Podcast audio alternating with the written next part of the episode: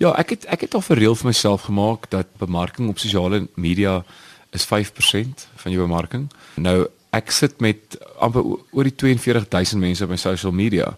Maar as ek ek tree nou eh, weet in George op binnekort, ek kan nie dan 'n daar gou vinnige fotootjie sit en sê en dink die plek gaan vol wees nie.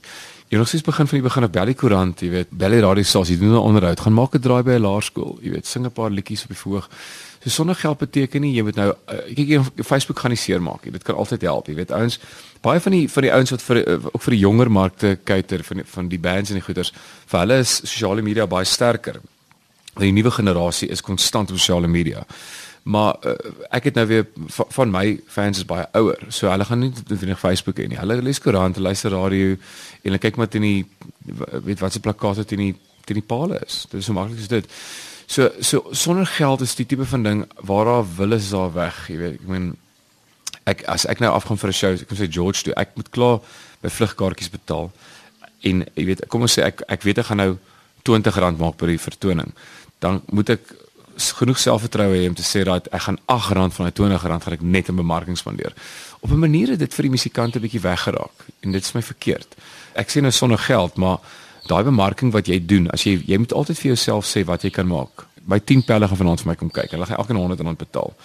Right, so jy weet jy gaan R1000 maak. Daar's nog nie geld gemaak nie, daar's niks nie. So vat vat dan van daai R1000, ten minste R300, vat 30% daarvan en spandeer dit in enige vorm van bemarking om die volgende 1000 rand te maak.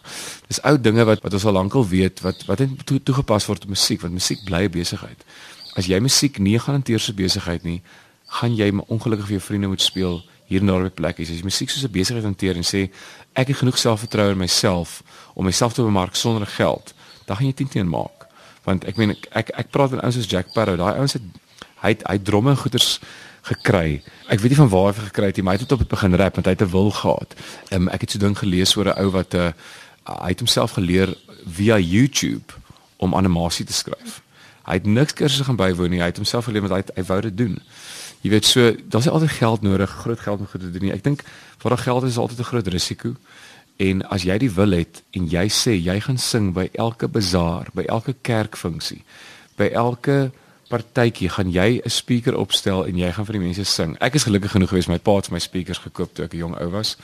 Ehm um, hy het tot my gitaar gekoop en ek meen toe ek gaan swat, ek het gaan swat stel in bos, maar ek kon in die aande in die kroeg speel. Ek kon gespeel het vir alles vir 2 of 300 rand by een van 'n koshuisfunksie. En daai ekstra geldjies het gemaak het ek kon klaar swat en ek het al my swatting self betaal by uit, uit musiek uit.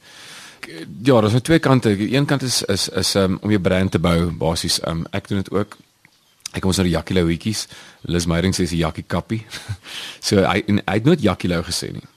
Ek het uh, verlang ek het verlang glad nie merchandise gehad nie. Ek meen die eerste keer wat ek in Dubai gaan optree het, het ek 10 Jackie Lou hoetjies saamgevat. Ek sommer by een van die China plek gaan koop het en dit al 10 verkoop. Um 10.50 rand 'n hoetjie.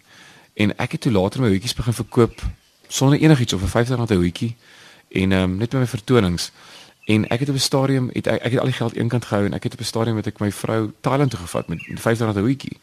En toe die ouens die hoetjies eh, toe, toe ons rand 'n bietjie sak hoetjies duurder geraak het, toe ek die hoetjies Jackie Lou. So ek kom toe laas jaar by die in die Bosfees. Een van die musikant vriende van my wat daar is, sê vir my, "Um borg jy die fees?"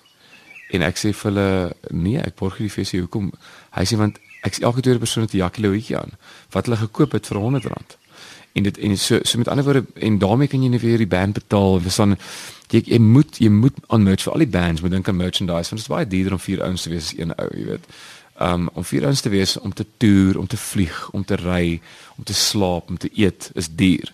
En en daai merchandise is 'n groot groot ding van ons ouens dit help baie. Ek bedoel uh, ek sit vandag en praat met jou hier so met 'n Franse van Coke T-shirt aan want hy doen ook baie goed daarmee en uh, natuurlik um, die branding is belangrik en merchandising is baie belangrik. Dit is verskriklik belangrik. Ja, ek dink as jy as jy wil vorentoe gaan, uh, jy kan nie net op plakate afhanklik wees en poskaarte nie. Jy moet iets hê. Ehm um, is dit 'n ding wat jy om jou arm dra wat jy kan verkoop? Is dit 'n ding wat jy om jou nek dra wat jy kan verkoop? Is dit 'n hoed? Ja, okay, dit is nou wat bemarking sonder geld betref. Volgende week waarna gaan ons kyk?